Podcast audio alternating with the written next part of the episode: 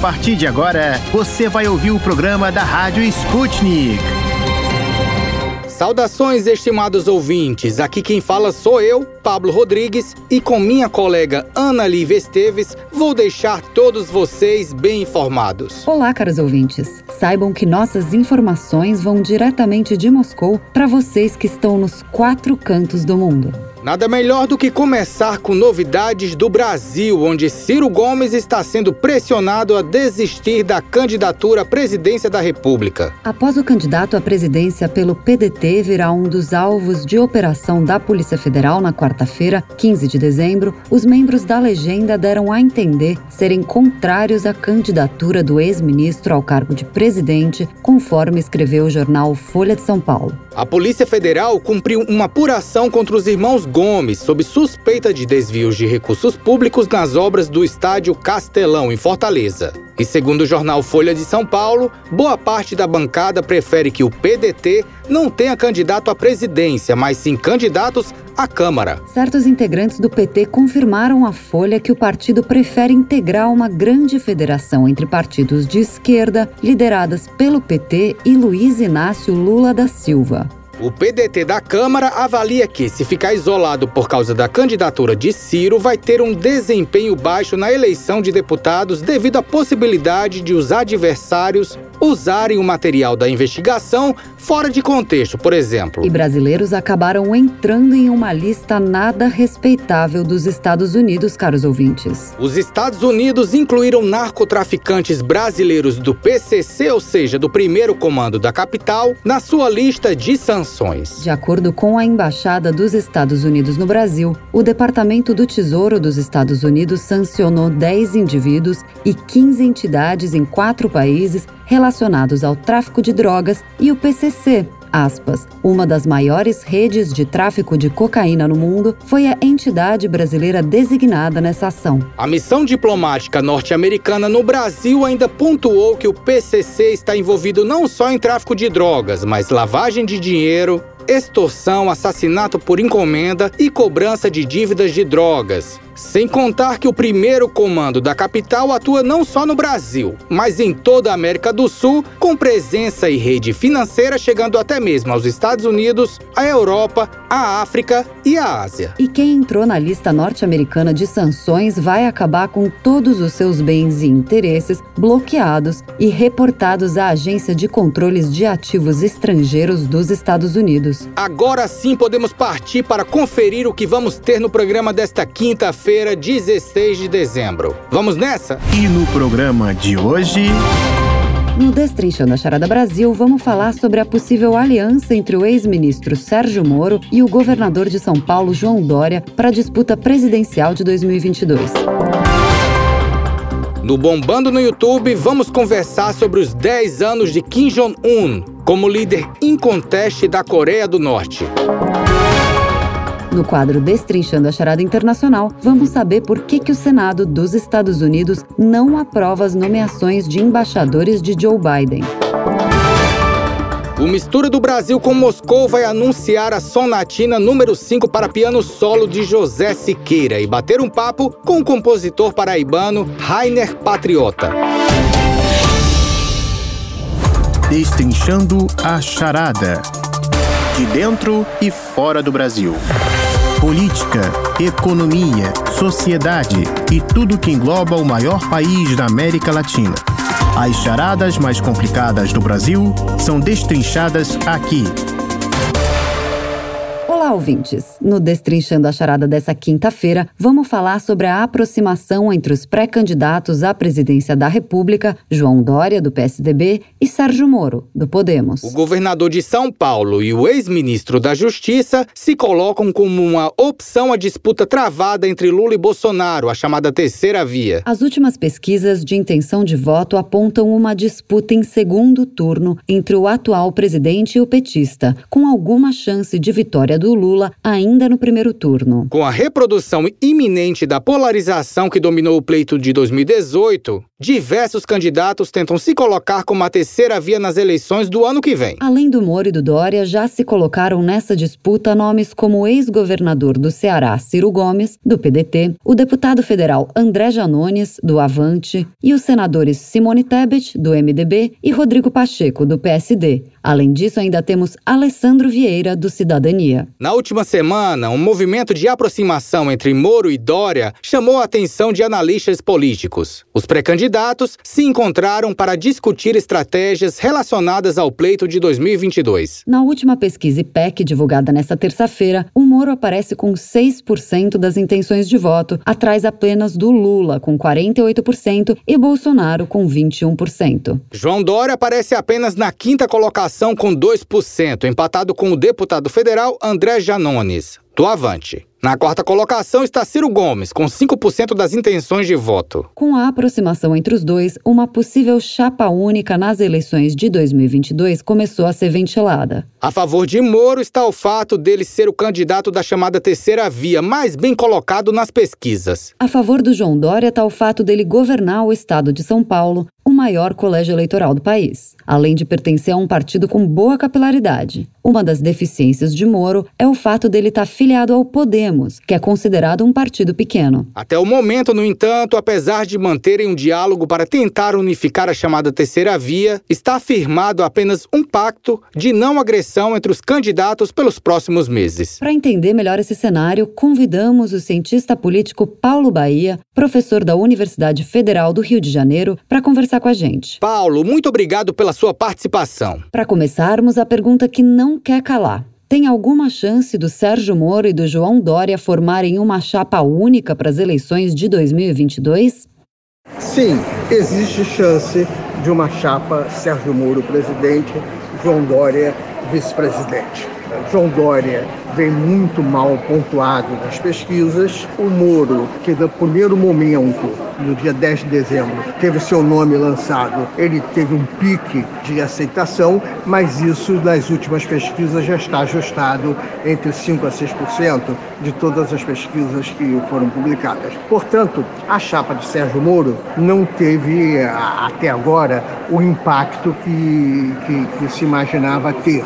Ajudou a afunilar mais a eleição. De toda forma, a possibilidade de que Sérgio Moro e Dória saiam juntos para enfrentar Jair Bolsonaro. É factível essa ideia, na medida em que os dois, sobretudo o João Dória, ele está muito mal avaliado. Então, uma campanha solitária do João Dória não ajuda muito o, o PSDB. Com o Moro, talvez possa ajudar a eleger alguns deputados. De toda forma, a avaliação que eu faço hoje, dia 15 de dezembro, é diferente da que eu fiz quando, no dia 10 de novembro, Sérgio Moro surge num patamar patamar de 10 a 11%. Sérgio Moro ele não firmou-se isso, então volto a insistir que há possibilidade sim de uma chapa entre João Dória e Sérgio Moro. Como há possibilidade também de uma chapa entre Sérgio Moro e Simone Tebet do MDB, que pode mudar de partido até abril. Se Simone Tebet migrar para um outro partido, também pode ser uma chapa Sérgio Moro Simone Tebet. O número de oficialização de pré-candidaturas está cada dia maior e uma eleição pulverizada tende a dividir os votos. O que uma aliança entre eles pode significar para a disputa do ano que vem, Paulo? Com o cenário que nós temos hoje, das pesquisas de todos os institutos que foram publicados no final de novembro e nesses primeiros 15 dias de dezembro, uma aliança entre o Sérgio Moro e o João Dória, ela pode ter uma eficácia na eleição de alguns deputados federais. Ela não é uma aliança que, pelo que está sendo dito pelas pesquisas, represente um impacto competitivo em termos eleitorais. Volto a insistir: João Dória não agrega eleitoralmente nem em São Paulo e Sérgio Moro tem um potencial de voto entre 5% do eleitorado, que é um eleitorado que será fiel a Sérgio Moro, pois é fiel à Operação Lava Jato. Portanto, a chapa Sérgio Moro João Dória, ela não terá um impacto competitivo. O que ela terá é um impacto discursivo, fortalecendo a ideia de luta contra a corrupção, atacando ao mesmo tempo Jair Bolsonaro e Luiz Inácio Lula da Silva. Os candidatos firmaram um pacto de não agressão para os próximos meses, mas são concorrentes no pleito e disputam um eleitorado parecido. O pacto foi firmado em um contexto no qual nem o Dória nem o Moro despontam nas pesquisas. Caso um deles comece a ter desempenho melhor e tenha reais chances de ultrapassar o Bolsonaro, será que esse pacto de não agressão vai ser mantido? Todo pacto de não agressão, feito em tempo tão longo da eleição, com tanta antecedência, é sempre um início de conversa. É um início de conversa para uma provável eleição. É evidente que esse pacto de agressão ele pode ser mantido, mesmo que os dois cresçam em intenção de votos e não façam uma aliança, porque há interesses comuns entre João Dória e Sérgio Moro, sobretudo nas eleições legislativas e nas eleições para o Senado e para os governos do Estado. Então, a perspectiva é que, se Moro crescer muito, o João Dória continuará num pacto de não agressão, porque a estratégia de João Dória será atacar Jair Bolsonaro e Lula. E a estratégia de Sérgio Moro será atacar Jair Bolsonaro e Lula. Nessa disputa, quem perde e quem ganha com uma aproximação entre o ex-ministro e o governador de São Paulo? Uma aliança Sérgio Moro e João Dória, quem perde é Sérgio Moro, na medida em que João Dória se encaixa dentro do perfil de ataques de Sérgio Moro. Entretanto, Sérgio Moro ele tem feito um discurso eminentemente de político partidário de campanha. Então, nesse sentido, a popularidade que não é grande de João Dória em São Paulo pode ajudar Sérgio Moro em termos de estrutura partidária, porque o PSDB é uma grande estrutura partidária. Em termos de levar respeito à chapa, quem ganha é João Dória, porque nesse sentido Sérgio Moro vai legitimar a ação política de Dória como prefeito da cidade de São Paulo e como governador do estado de São Paulo. Até o momento, ambos os candidatos aparecem isolados em termos de apoio de outros partidos. Essas alianças são almejadas porque, além do apoio político, e capilaridade eleitoral garantem tempo de televisão e acesso ao fundo partidário. Qual dos dois pré-candidatos teria maior chance de aglutinar apoio como um nome de terceira via? Eu considero essa história de panaceia semelhante a quem acredita em gnomo e fadas. Enfim, é uma panaceia, é uma historinha para boi dormir. Todos os candidatos querem viabilizar suas campanhas e serem competitivos em suas campanhas. E existem estratégias e objetivos diferentes. Muitas vezes um candidato candidato que tem 1% de escolha, ele tem um objetivo específico. Por exemplo, os candidatos do PSTU, o Péricles, que será candidato da Unidade Popular, eles são candidatos dentro de uma perspectiva que não estarão disputando o primeiro e o segundo lugar, mas eles têm objetivos políticos estratégicos localizados, como o Partido Novo também, que tem candidato e manterá seu candidato. Então, a candidatura de Sérgio Moro é uma candidatura que irá até o final, como a candidatura de João Dória irá até o final. A de João Dória só não irá até o final como presidente da República porque existe o interesse de João Dória de ser vice de Sérgio Moro e ter uma alternativa de saída da campanha que dê facilidades eleitorais a seus candidatos a deputados. Portanto, toda vez que eu escuto essa expressão terceira via, eu chego a arrepiar, porque na verdade o que se quer é candidatos que sejam competitivos dentro de um cenário em que a eleição ela não está polarizada, ela está afunilada entre dois nomes. E por que não está polarizada? Porque a pauta dos candidatos, você tem um pouco de diferença na pauta de Bolsonaro para Lula, mas o, o, eixo da pauta de 60% da campanha de Lula e 60% da campanha de Bolsonaro é semelhante. Sobre sobretudo se Lula tiver Geraldo Alckmin como candidato a vice. Aí essa pauta de 60% passa a 80% de semelhança. Teremos sim algumas divergências em termos de costumes que o Lula não enfrentará na campanha. O Lula ficará em silêncio. O Bolsonaro terá que falar para agradar o seu público fiel. Enfim, então, quando eu digo que nós não temos uma polarização na eleição, eu insisto que a eleição está afunilada entre duas campanhas: a de Luiz Inácio Lula da Silva, que tem a preferência no momento, e a de Jair Bolsonaro, que tem uma posição muito bem consolidada e que chegará ao segundo turno. Sendo que a última pesquisa do IPEC e a última da Quest indicam uma possibilidade remota de Lula ganhar no primeiro turno. De toda forma, essa avaliação de terceira via é algo de conto da carochinha. Falando em terceira via, o candidato Ciro Gomes, do PDT, também tenta viabilizar apoios para sua candidatura, mas sofreu um revés nessa quarta-feira. O presidenciável e seu irmão, o senador Cid Gomes, também do PDT, foram alvo da Operação Colosseu, que investiga um esquema de corrupção em obras no estádio Castelão entre os anos de 2010 e 2013. Na época, Cid era governador do Ceará. As investigações apontam para um possível pagamento indevido para Galvão Engenharia, para que ela ganhasse a licitação para obra de reforma, ampliação, adequação, operação e manutenção da Arena Castelão. Paulo, me diz uma coisa: isso pode prejudicar o ex-ministro em sua campanha eleitoral?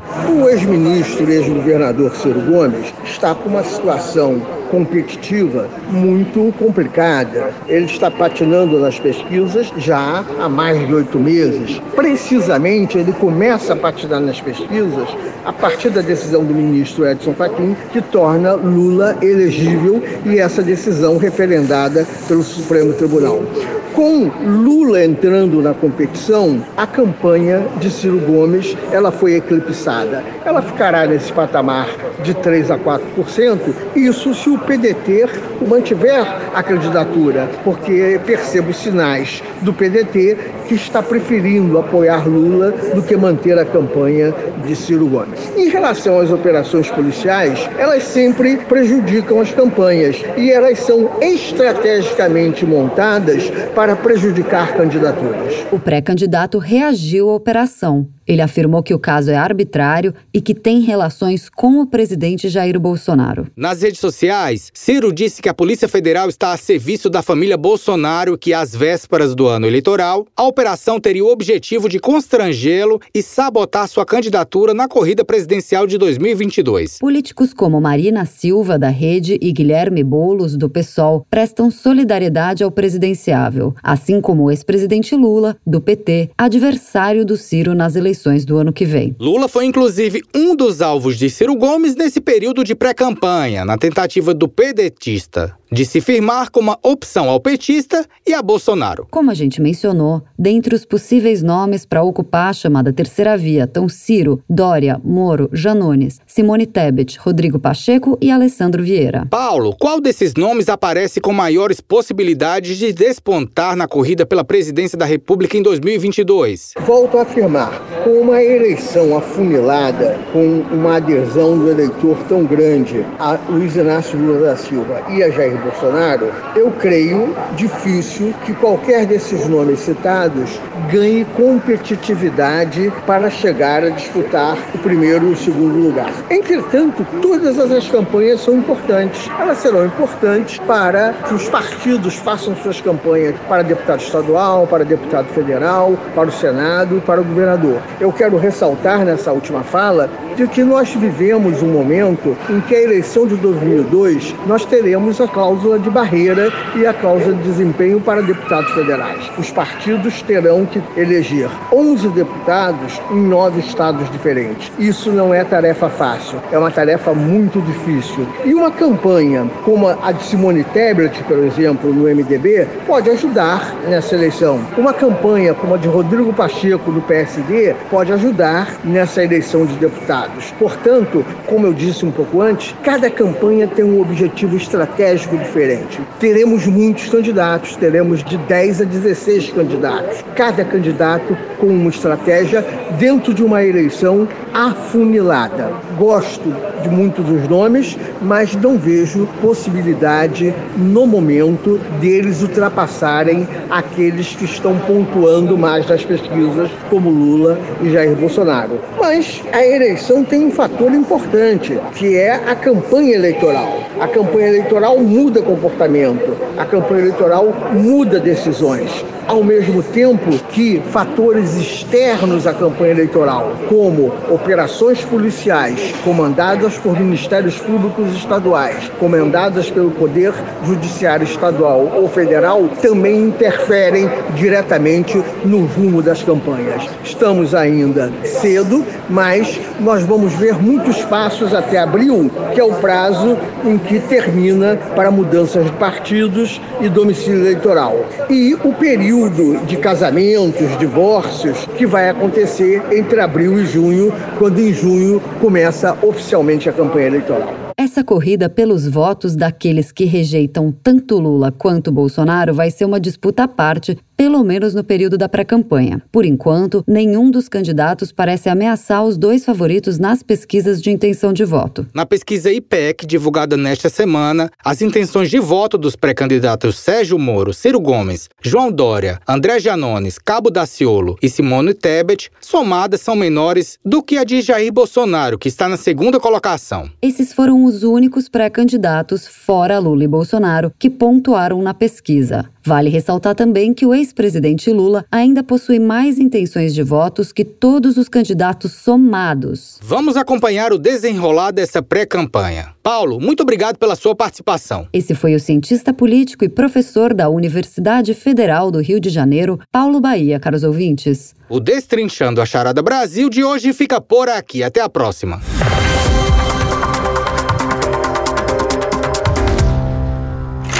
Bombando no YouTube. Curtidas e mais curtidas da Rússia ao Brasil. Confira com a Rádio Sputnik os vídeos que receberam mais likes e visualizações e estão no topo do YouTube. E fique por dentro do que está sendo filmado por amadores ou profissionais pelo mundo afora. Queridos ouvintes, chegou a hora da gente ir lá para a redação da Sputnik Brasil conversar com o nosso estimado colega Tito da Silva. E aí, Tito, conta pra gente o que está bombando no YouTube nesta quinta-feira, 16 de dezembro. Olá, ouvintes da Rádio Sputnik. Eu sou Tito da Silva e estes são os vídeos que estão bombando no YouTube. No topo da lista desta quinta-feira, 16 de dezembro, a fragata russa Admiral Garshkov realizou um belo lançamento de um míssil hipersônico Tsirkon. O míssil foi ao ar a partir do Mar Branco e atingiu um alvo costeiro. No vídeo é possível ver a rápida subida do míssil que já está em serviço na Marinha da Rússia. Para assistir ao evento, digite assim: Rússia lança com sucesso míssil hipersônico Tsirkon. E no segundo vídeo de hoje, nesta semana, o líder da Coreia do Norte, Kim Jong-un, completa 10 anos no cargo que herdou de seu pai. Kim Jong-un foi alvo de criticismo no início de sua carreira, tendo muitos duvidado de sua capacidade de dirigir um país tão fechado como a Coreia do Norte e também com armas nucleares e relações difíceis com vizinhos. Contudo, passados dez anos, Kim não só se manteve no poder, mas também tomou diversas atitudes que o consagraram como líder do país socialista e impulsionou, de certa forma, as relações exteriores do país isolado. Para saber mais detalhes do governo de Kim nos últimos dez anos, é só digitar assim no YouTube. 10 anos de Kim Jong-un. Quais foram suas melhores decisões? E no terceiro vídeo de hoje, enquanto os Estados Unidos ameaçam desconectar a Rússia do sistema financeiro internacional SWIFT, no contexto das tensões na Ucrânia, os presidentes russo e chinês Vladimir Putin e Xi Jinping abordaram a criação de um novo sistema financeiro que será independente de terceiros países. O assunto foi discutido enquanto as autoridades realizavam um encontro online na quarta-feira, 15 de dezembro. A medida é considerada enquanto as relações comerciais entre ambos os países crescem consideravelmente e já passaram os níveis pré-pandemia. Moscou e Pequim também querem cada vez mais reduzir suas operações comerciais em dólar e enfatizar o uso de moedas nacionais. Para assistir ao vídeo, é só digitar: Rússia e China vão criar novo sistema financeiro internacional. E no quarto vídeo de hoje, o canal Nerd Show falou sobre algumas embalagens de produtos que compramos e usamos todos os dias. Todo mundo conhece a marca de leite condensado Leite Moça. O produto é tão essencial na culinária brasileira que ninguém imagina fazer um pudim ou brigadeiro sem o leite condensado. Além disso, o produto já foi tão inserido no nosso vocabulário que a gente fala simplesmente para nossos filhos comprarem um leite moça ao invés de dizer leite condensado. Mas o que muita gente não sabe é que a embalagem do produto mudou muito ao longo de mais de um século de vendas no Brasil. No início, ela era escrita em inglês, mas como poucos sabiam falar inglês, o pessoal começou a chamar de leite de moça. Isso porque o tradicional desenho da moça com latões de leite já estava na embalagem. Foi aí que, com o tempo, os produtores resolveram escrever, já em português, leite moça. E no quinto vídeo de hoje, o canal Você Sabia fez uma lista de animais que podem viver depois da morte. O primeiro deles seria uma água-viva chamada cientificamente de Turritopsis dorni. Este animal é capaz de reverter sua velhice em mocidade, esticando seu período de vida. Outro animal muito impressionante é a planária. Este verme, se tiver suas extremidades cortadas, pode continuar vivendo normalmente. Se você cortar ele em picadinhos, todos esses pedacinhos vão continuar vivendo e crescendo. E por hoje é só, pessoal. Até mais. Quem diria que Kim Jong-un está há 10 anos no poder? Se bem que é pouco se a gente considerar que a dinastia Kim está no poder há 73 anos. Kim Jong-un nasceu em 1982, então tem somente 39 anos, queridos ouvintes. Se nada mudar no regime político do país, ele tem ainda várias décadas pela frente como secretário-geral do Partido Comunista. Mas a fila anda e o pessoal já está pegando seu lugar na fila sucessória. Os nomes mais cotados por enquanto são Kim Yo-jong, que é a irmã mais nova do Kim, e ela já ocupa cargos políticos lá em Pyongyang, e o Kim Pyong-il, o último filho vivo do Kim Il-sung. Tem ainda o irmão do Kim Il-sung, que completou 100 anos no ano passado. E aí, qual será o segredo da longevidade dessa família, caros ouvintes? Tito, muito obrigado pelo boletim de hoje, hein? Até amanhã.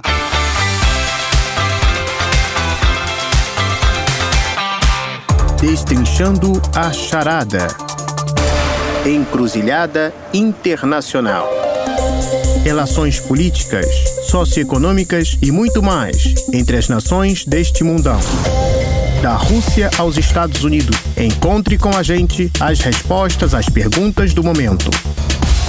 Olá, queridos ouvintes. Hoje, no nosso quadro Destrinchando a Charada Internacional, vamos conversar sobre os entraves da política externa dos Estados Unidos. O secretário de Estado norte-americano, o Anthony Blinken, não escondeu sua frustração com a Comissão de Relações Exteriores do Senado, que não aprova as nomeações do governo para os cargos de embaixadores dos Estados Unidos ao redor do mundo. Atualmente, cerca de metade dos 186 postos de embaixadores disponíveis estão vagos, e esse número é sem precedentes, o que prejudica a condução da política externa de Washington. De todas as nomeações feitas pela administração Biden, somente 16 foram apreciadas e aprovadas pelos senadores. Em comparação, a taxa de aprovação de nomeações para cargos de chefia de embaixadas de administrações anteriores é de 70% a 90%. Durante sua mais recente visita ao Sudeste Asiático, o Blinken disse que os atrasos na aprovação dos nomes no Senado são, aspas, um problema enorme. Pelo bem da nossa segurança nacional,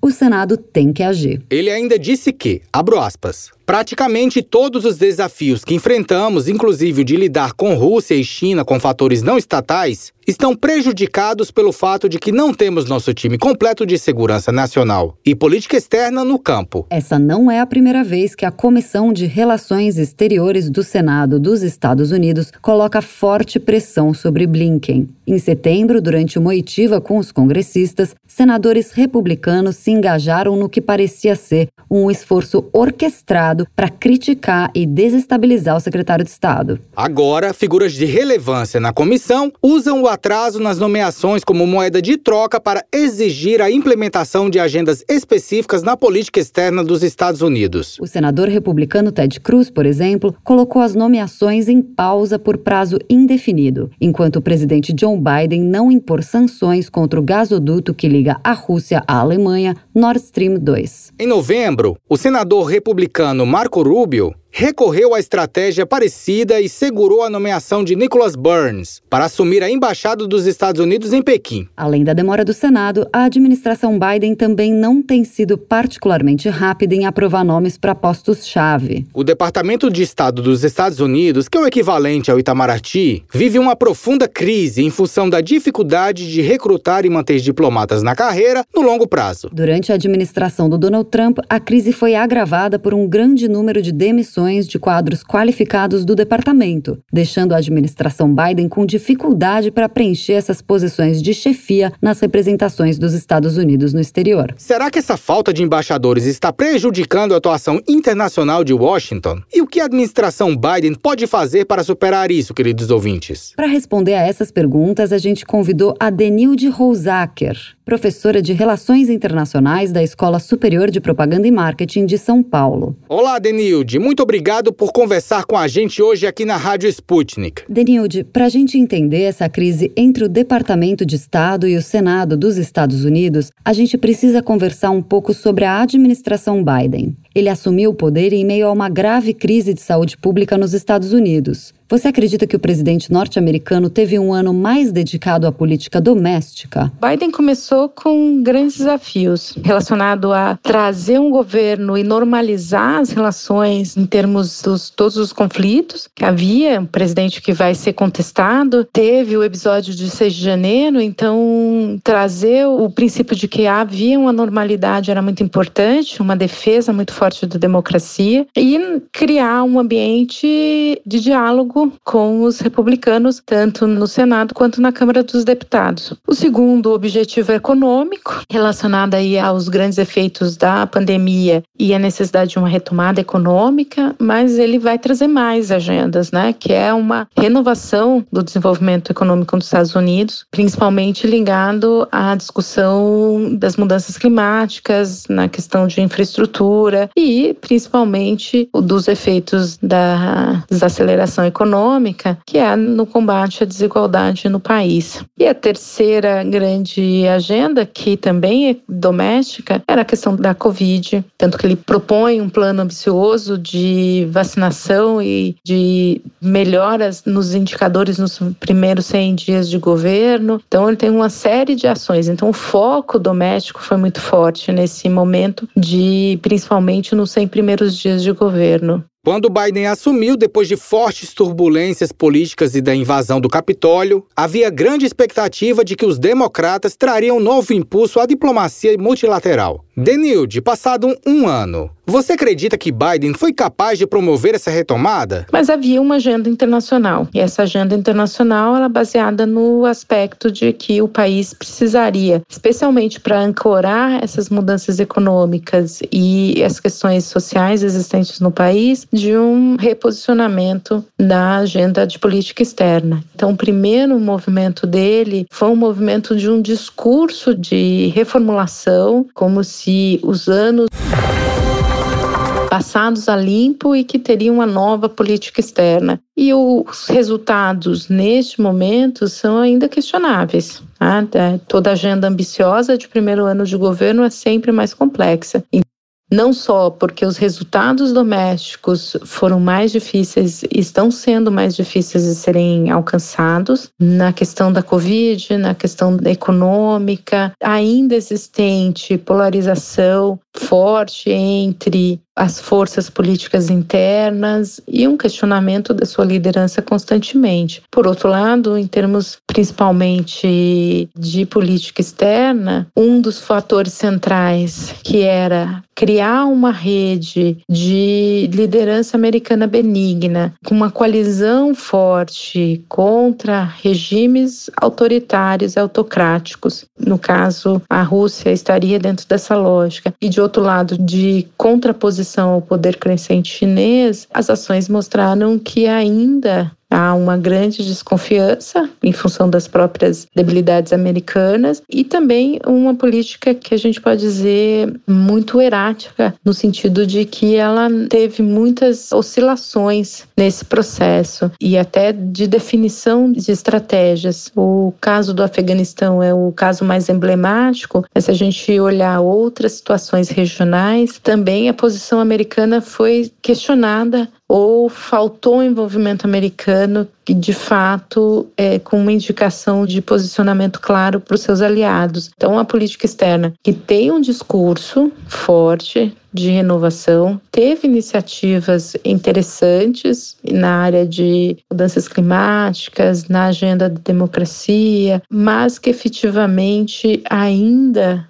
falta um direcionamento desse em torno desses processos. Apesar da pandemia, o Biden se aventurou em viagens internacionais relevantes nesse ano, como a sua visita à Europa, onde se reuniu com aliados da OTAN. Denilde, você acredita que o Biden foi capaz de curar as feridas deixadas pelo Trump na organização e retomar a cooperação transatlântica? A visita à Europa e todos os aspectos ligados à tentativa de trazer uma nova liderança e demonstrar uma liderança benigna americana, uma coalizão mais forte de contraponto alguns dilemas. Em termos de sinalização, sim, mas na prática ainda existe uma grande desconfiança e acho que aqui as ações americanas ainda sinalizam um alto unilateralismo. A gente pode pegar isso com o Afeganistão, no acordo entre Grã-Bretanha, Austrália e Estados Unidos, que deixam de fora os aliados importantes. Então, de certa forma, do ponto de vista de avanço no discurso, sim, na prática ainda existe uma certa desconfiança da capacidade americana, não só de liderança, mas também de uma mudança de perfil em que as posições serão mais multilaterais e menos unilaterais. Então, ainda estamos num processo de adequação capacidade de combinação desses interesses, mas ainda deve haver um avanço mais significativo americano para sinalizar, principalmente para as forças europeias, de que de fato é, os Estados Unidos vão exercer essa liderança nesse momento e serão aliados, e a Europa será um aliado preferencial dos Estados Unidos. Críticos da política externa do Biden pedem mais assertividade por parte de Washington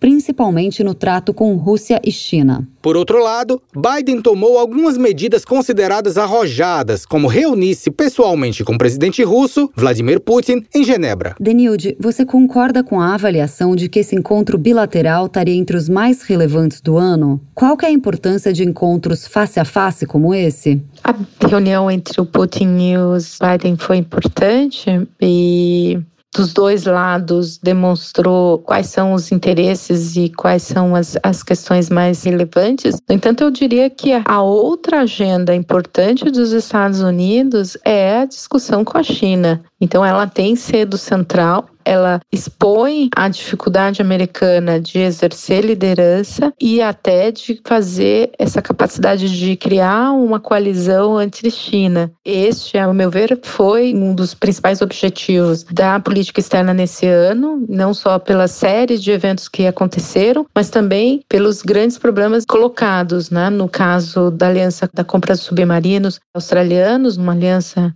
como eu já falei, entre Grã-Bretanha, Estados Unidos e Austrália, como também na questão de Taiwan. Então, essa me parece ser a prioridade nesse momento do Biden. Mas, mesmo antes do processo, durante sua campanha, ele sempre colocou que o governo americano teria que olhar para dois grandes atores internacionais, de um lado a Rússia, de outro lado a China. Então, de fato, a discussão nos últimas semanas sobre a expansão da OTAN E o quanto isso afeta os interesses russos e como isso tem gerado uma situação de instabilidade na região, é claro parte das estratégias americanas, mas ela é parte de uma estratégia maior de contenção de atores que possam rivalizar na posição com os Estados Unidos e também com, especialmente, Siga a Sputnik. Que eles entendem que é um rival com poder não só econômico, quanto militar e estratégico. Denilde, sabemos que a política externa do Biden tem sido alvo de críticas, assim como do seu secretário de Estado, Anthony Blinken. Como você avalia o desempenho de Blinken nesse primeiro ano de governo? Você acha que ele conseguirá permanecer no cargo? O Blinken tem várias é, críticas que têm sido feitas a ele, mas também é preciso entender que ele assume um departamento de Estado muito desestruturado. No final do governo Trump, vários embaixadores tinham desligado, se aposentado, pessoas experientes, então a, a é, montagem da equipe era um ponto de atenção para o governo. Eles conseguiram trazer pessoas pessoas com experiência que já tinham atuado no governo Obama e outros governos democratas. Então, expectativa de que o departamento consiga se reerguer. Há, de fato, há uma série de, de, limitações e de questionamentos sobre a forma como a política externa vem sendo feita e que a necessidade dos Estados Unidos ser mais assertivos em algumas das temáticas também é, tem sido colocada. No entanto, o Blinken tem um apoio muito forte do próprio Biden, então acho que esse é um fator que facilita a permanência dele. Atualmente, cerca de metade dos 186 postos de embaixadores dos Estados Unidos estão vagos. De acordo com o secretário de Estado, Antony Blinken, somente 16% das nomeações do Biden foram apreciadas pelo Senado. Denilde, Quais as consequências que essa ausência de embaixadores pode ter para a condução da política externa norte-americana? A Comissão de Relações Exteriores tem tido uma lentidão para fazer as, as, indicações de embaixadores, o que dificulta no dia a dia, né? porque sem um embaixador no país fica um vácuo né, de atuação e sem que a agenda de fato seja implementada. Então, isso é um indicador, de um lado, das dificuldades do governo em conseguir demonstrar e conseguir apoio interno para as agendas que ela tem, e de outro lado, a dificuldade de implementação da política. Então, acho que esse é um. Já era um problema pode se tornar mais crônico na medida que você precisa que de uma aceleração aí de alguns processos e cada vez mais necessidade de um acompanhamento mais direto de agendas que são importantes para os Estados Unidos. De forma geral, a avaliação é uma avaliação de que esses fatores, tanto da, do Departamento de Estado, as dificuldades de estabelecer uma política externa com prioridades mais, um papel mais assertivo em função da questão do envolvimento doméstico, da necessidade de retomada da economia, afeta também o quanto o Departamento de Estado consegue ser efetivo nas ações. Então, acho que a gente precisaria esperar. Denilde, muito obrigada pela conversa, foi super esclarecedora. Essa foi Denilde Holzhacker, professora de Relações Internacionais da Escola Superior de Propaganda e Marketing de São Paulo, caros ouvintes. E o nosso quadro Destrinchando a Charada Internacional fica por aqui, caros ouvintes. Até mais. Mistura do Brasil com Moscou. A mistura agora é com a Rússia e a coreografia já está pronta. Com os gingados russos e brasileiros, as relações estão em sintonia entre estes dois gigantes.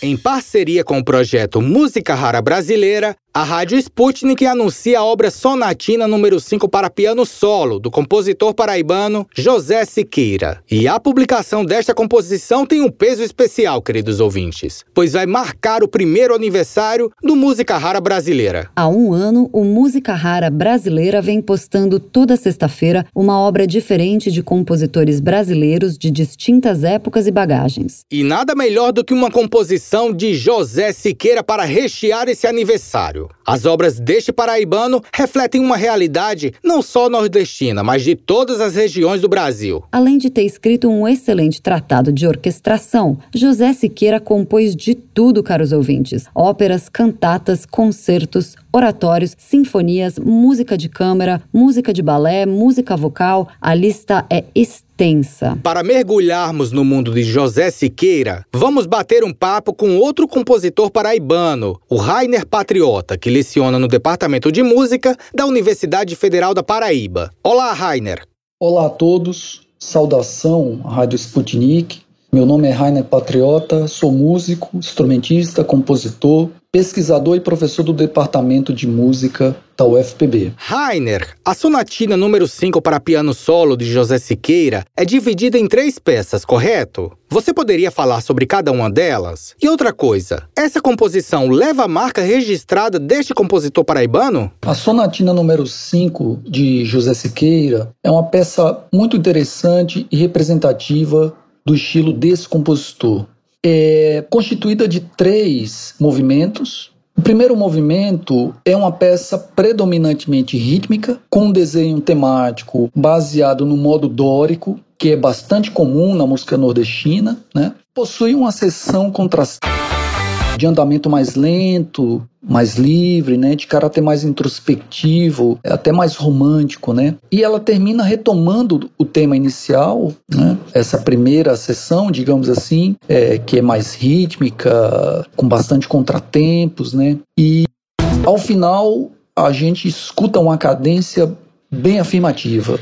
O segundo movimento contrasta com esse primeiro porque é uma modinha bastante lírica, né, apresentada na forma de um ABA. E a gente pode ouvir aí o eco nostálgico, digamos assim, da música seresteira do Brasil do início do século XX. Já o terceiro movimento é uma peça bastante lúdica, uma dança, né, baseada no ostinato, e com uma forte sugestão folclórica, lembrando até uma cantiga de roda. De um modo geral, a gente percebe em todas as três peças essa aderência ao folclore, à música popular, né? Essa inflexão na, nacionalista que marca a obra de Siqueira, essa proximidade com não apenas o universo é, do folclore, mas da música popular. Né? São peças curtas né? e que se impõem pela beleza dos temas, pelo seu ímpeto rítmico, né? o que é uma característica da música folclórica, da música popular. Então, é nesse sentido que é uma peça bastante representativa da estética, do estilo de José Siqueira. E quem foi José Siqueira, professor? José Siqueira nasceu no sertão da Paraíba em 24 de julho de 1907, numa cidade chamada Conceição. Seu pai era mestre de banda e sua vida musical começou bem cedo. Aos 20 anos, ele vai embora para o Rio de Janeiro seguindo o destino de muitos nordestinos que abandonam né, sua terra natal para tentar uma vida mais promissora no Sudeste, Rio, São Paulo, né? E no Rio de Janeiro, chegando lá, né, ele vai tocar numa banda de música e, paralelamente, ele iria ampliar e consolidar sua formação musical no Instituto Nacional de Música, que ele havia estudado música com o pai, em casa, né? E no Rio de Janeiro ele vai ter uma formação, digamos assim, acadêmica, né? Vai estudar teoria para valer, composição, regência e piano.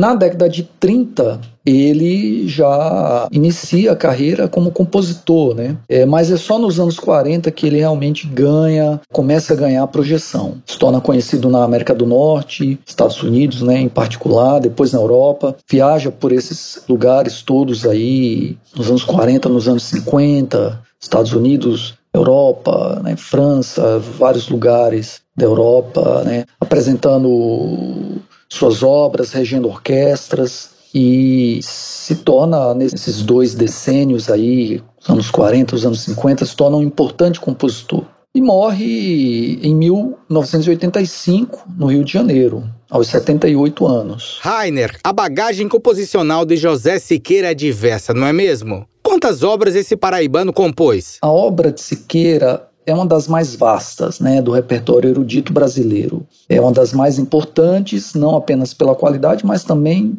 pela quantidade, né, pelo escopo. Né. Estima-se que seu catálogo contenha não menos de 500 obras, cobrindo é, formações as mais variadas, né? gêneros os mais diversos, né? peças para instrumento solo, oratório, ópera, cantatas, né, peças sinfônicas, camerísticas, etc. Né? E seu traço inequívoco, além da qualidade, é a aderência ao folclore, seja no uso né, direto de elementos folclóricos, seja através de uma evocação pessoal do folclore, né, de uma criação própria, mas com características que aludem ao folclore. É aquilo que o próprio Siqueira chamava de nacionalismo essencial, que de uma certa forma marca, digamos assim, o segundo período né, da sua obra, do seu estilo. Professor, Além da Sonatina número 5 para piano solo, quais outras obras do José Siqueira que você recomenda para os nossos ouvintes que nunca tiveram a oportunidade de ouvi-lo? Das suas obras assim mais importantes que precisa realmente ser mencionada é o Candomblé, que é um oratório que ele compôs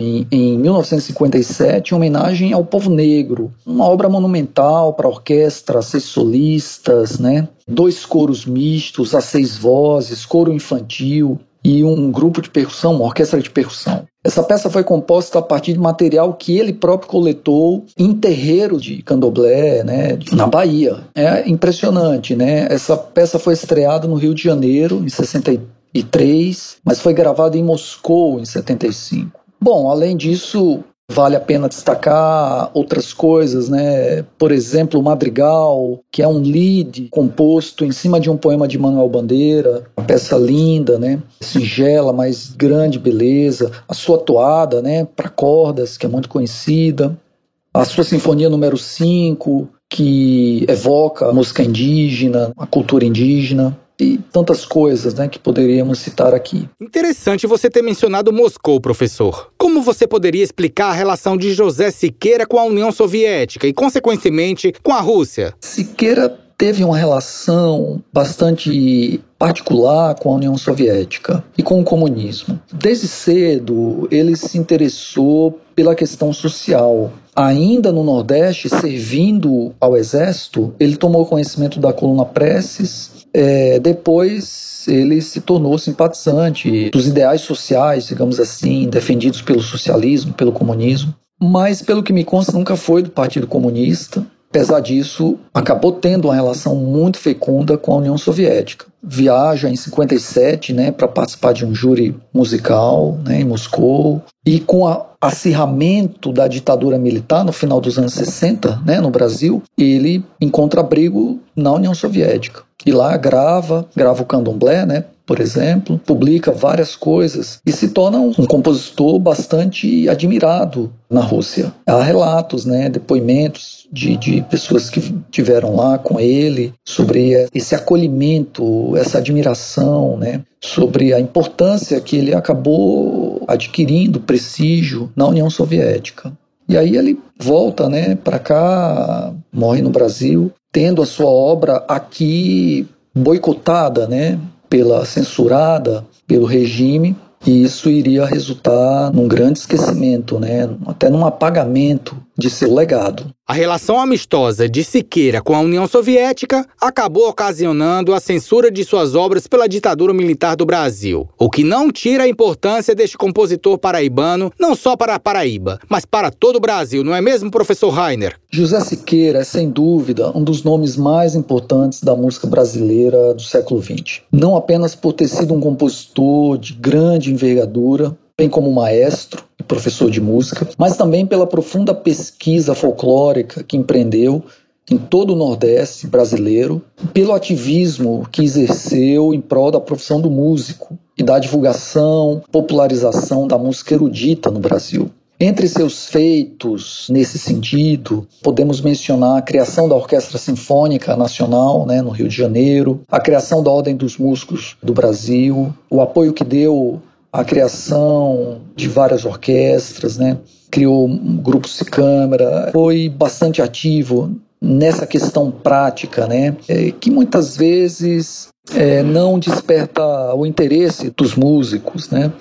mas ele já por uma preocupação com a questão social, talvez pela experiência dele no Nordeste, com a pobreza do Nordeste, a falta de recursos né, no começo do século XX, isso tenha despertado nele esse senso prático e essa preocupação com as questões sociais. Ele é da geração de grandes nomes da composição brasileira, né? Camargo Guarnieri, Cláudio Santoro, Guerra Peixe, mas ele é o menos conhecido de todos. Sua obra realmente ficou esquecida, sofreu um apagamento, algo que ainda precisa ser devidamente compreendido e explicado. Né? Certamente ao fato de que ele teve uma formação acadêmica tardia no Sudeste, o fato de que ele era nordestino, né? chegou lá no Sudeste já como um homem feito para estudar no conservatório, ao fato de ter aderido a uma versão, vamos dizer assim, neoclássica, né, do nacionalismo modernista, né, em vigor no Brasil, trilhando um caminho mais tradicional, preocupado muito mais com o folclore, com as raízes da, da, música brasileira e não tanto com as questões estéticas da vanguarda, com a escola do decafônica, por exemplo, né? com a ideia de inovar, é, revolucionar a linguagem. É, a preocupação dele não era nesse sentido. Né? Então, acredito que isso também tenha contribuído para um certo desprestígio, um certo até preconceito, né? Em torno da sua obra. E ao fato de que ele foi censurado né, durante o regime militar, que se instala né, no país em 64 e vai se estender aí por 30 anos. Professor, o que você acha? O fato do José Siqueira ser nordestino influenciou a repercussão do seu legado? Isso tem uma implicação. Eu não tenho dúvida de que se José Siqueira fosse um compositor paulista, o mesmo carioca, a repercussão de seu legado teria sido outra. Ele hoje seria um compositor bastante conhecido, bastante badalado, né? Então, há esse aspecto aí geográfico, esse deslocamento, né, e cultural, né, a essa questão. Mas é sem dúvida um compositor muito importante que já vem sendo objeto de muitas pesquisas acadêmicas. Recentemente saiu um excelente documentário sobre ele e acredito que daqui para frente o seu legado vai se tornar mais conhecido, suas obras passarão a ser interpretadas, estudadas, e acredito que a partir daí muita coisa também vai se esclarecer sobre a sua própria trajetória. Professor, antes de você ir embora, conte aí para os nossos ouvintes em que pesquisas você está inserido atualmente e se você está trabalhando em novas composições próprias. Como docente na UFPB, na pós-graduação em particular, no departamento de música, eu tenho orientado trabalhos com temas diversos, né, em linhas diversas. Mas um dos focos é a contribuição nordestina à música brasileira. Atualmente, um orientando de mestrado, Leandro Chagas, pesquisa a obra de João Pernambuco, que foi um compositor bastante importante do começo do século também, né, é, especialmente para violão, compositor pernambucano. Na verdade, há quem diga que ele foi paraibano, há hoje uma dúvida sobre essa questão. E tenho no doutorado o músico Gleidson Meira é, pesquisando a presença e o papel da bateria no forró. É, paralelamente, tenho trabalhado em minhas composições para violão e estou preparando o meu segundo disco, interpretando peças minhas para violão. Espero gravar no começo do ano e lançar logo em seguida. Queridos ouvintes, conversamos com Rainer Patriota, que é músico, instrumentista, compositor, pesquisador e professor do Departamento de Música da Universidade Federal da Paraíba. Rainer, foi um prazer bater um papo com você aqui, na Rádio Sputnik. Foi um prazer trazer essas breves considerações sobre esse importante compositor, José Siqueira, sobre essa figura né, tão ímpar tão relevante, não apenas da nossa música, mas da nossa cultura paraibano, nordestino, brasileiro. Um abraço para todos. E para fechar o Mistura do Brasil com Moscou com chave de ouro, nada melhor do que ouvir um trecho da primeira peça da Sonatina número 5 para piano solo, que se chama Alegro Brilhante.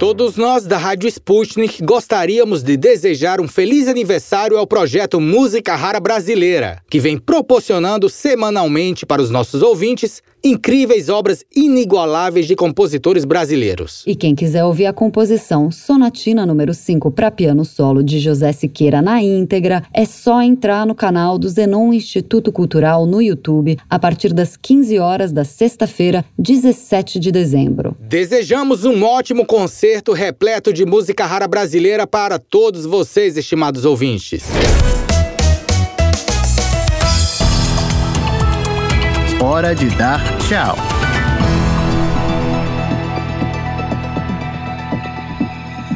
Queridos ouvintes, o nosso programa dessa quinta-feira, 16 de dezembro, fica por aqui. Foi um prazer contar com a audiência de vocês nessa jornada de notícias, análises, cultura e entretenimento. Amanhã a gente volta com muito mais. Mas para você não perder nadinha, fique ligado nos canais da Sputnik Brasil no Telegram e no YouTube. Confira também as notícias no nosso site br.sputniknews.com. O programa da Rádio Sputnik teve a apresentação, produção e edição de texto de Ana Lívia Esteves e Pablo Rodrigues. E produção de conteúdos e edição de texto de Everton Maia e Tito da Silva. O tratamento de áudio foi feito por Irina Kalganova e Nikita Novikov. A edição e a montagem do programa são do Wellington Vieira e do Davi Costa. O editor-chefe da redação da Sputnik Brasil no Rio de Janeiro é Renan Lúcio e em Moscou, Konstantin Kuznetsov. Você acabou de ouvir mais um programa da Rádio Sputnik.